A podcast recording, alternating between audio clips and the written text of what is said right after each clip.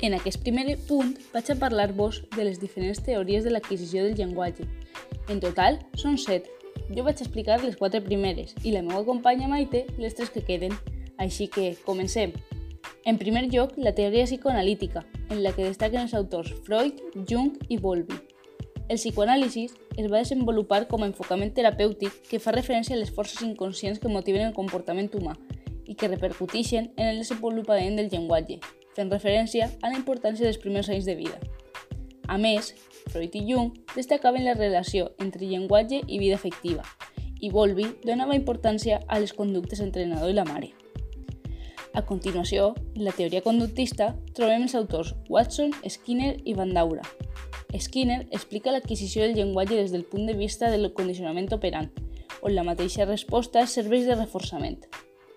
L'adquisició del llenguatge es fa per associació, com a reacció d'estímul-resposta per repetició o per imitació.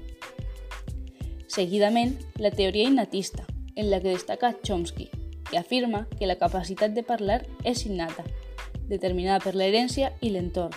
Destaca el caràcter creatiu del llenguatge, ja que a través d'un nombre limitat de mitjans, el parlant és capaç de produir i d'entendre infinitat d'oracions que mai havia sentit.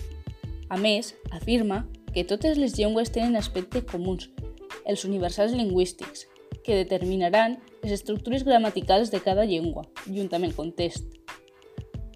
Quant a la teoria constructivista, que es, es divideix en dos, en la de Piaget i en la de Vygotsky.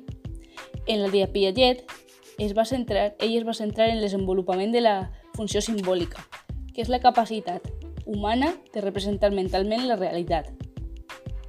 Es manifesta a través del llenguatge, del joc i del dibuix, el llenguatge emergeix de la representació mental de la realitat, que, que és el que ell anomena imitació definida. A més, fa referència a que sorgeix una construcció del significat prèvia a l'adquisició del llenguatge i que es desenvolupa gràcies a la interacció de l'infant amb el món dels objectes. I fins així aquest episodi, on vos he contat les quatre primeres teories de l'adquisició del llenguatge. Esperem que vos hagi resultat interessant i que hàgiu pogut ampliar els vostres coneixements sobre la llengua oral. Gràcies per compartir amb nosaltres aquest espai i vos esperem en el pròxim, en el que la meva companya Maite vos explicarà les teories de l'adquisició del llenguatge que queden. I recordeu, no amagueu la llengua, useu-la.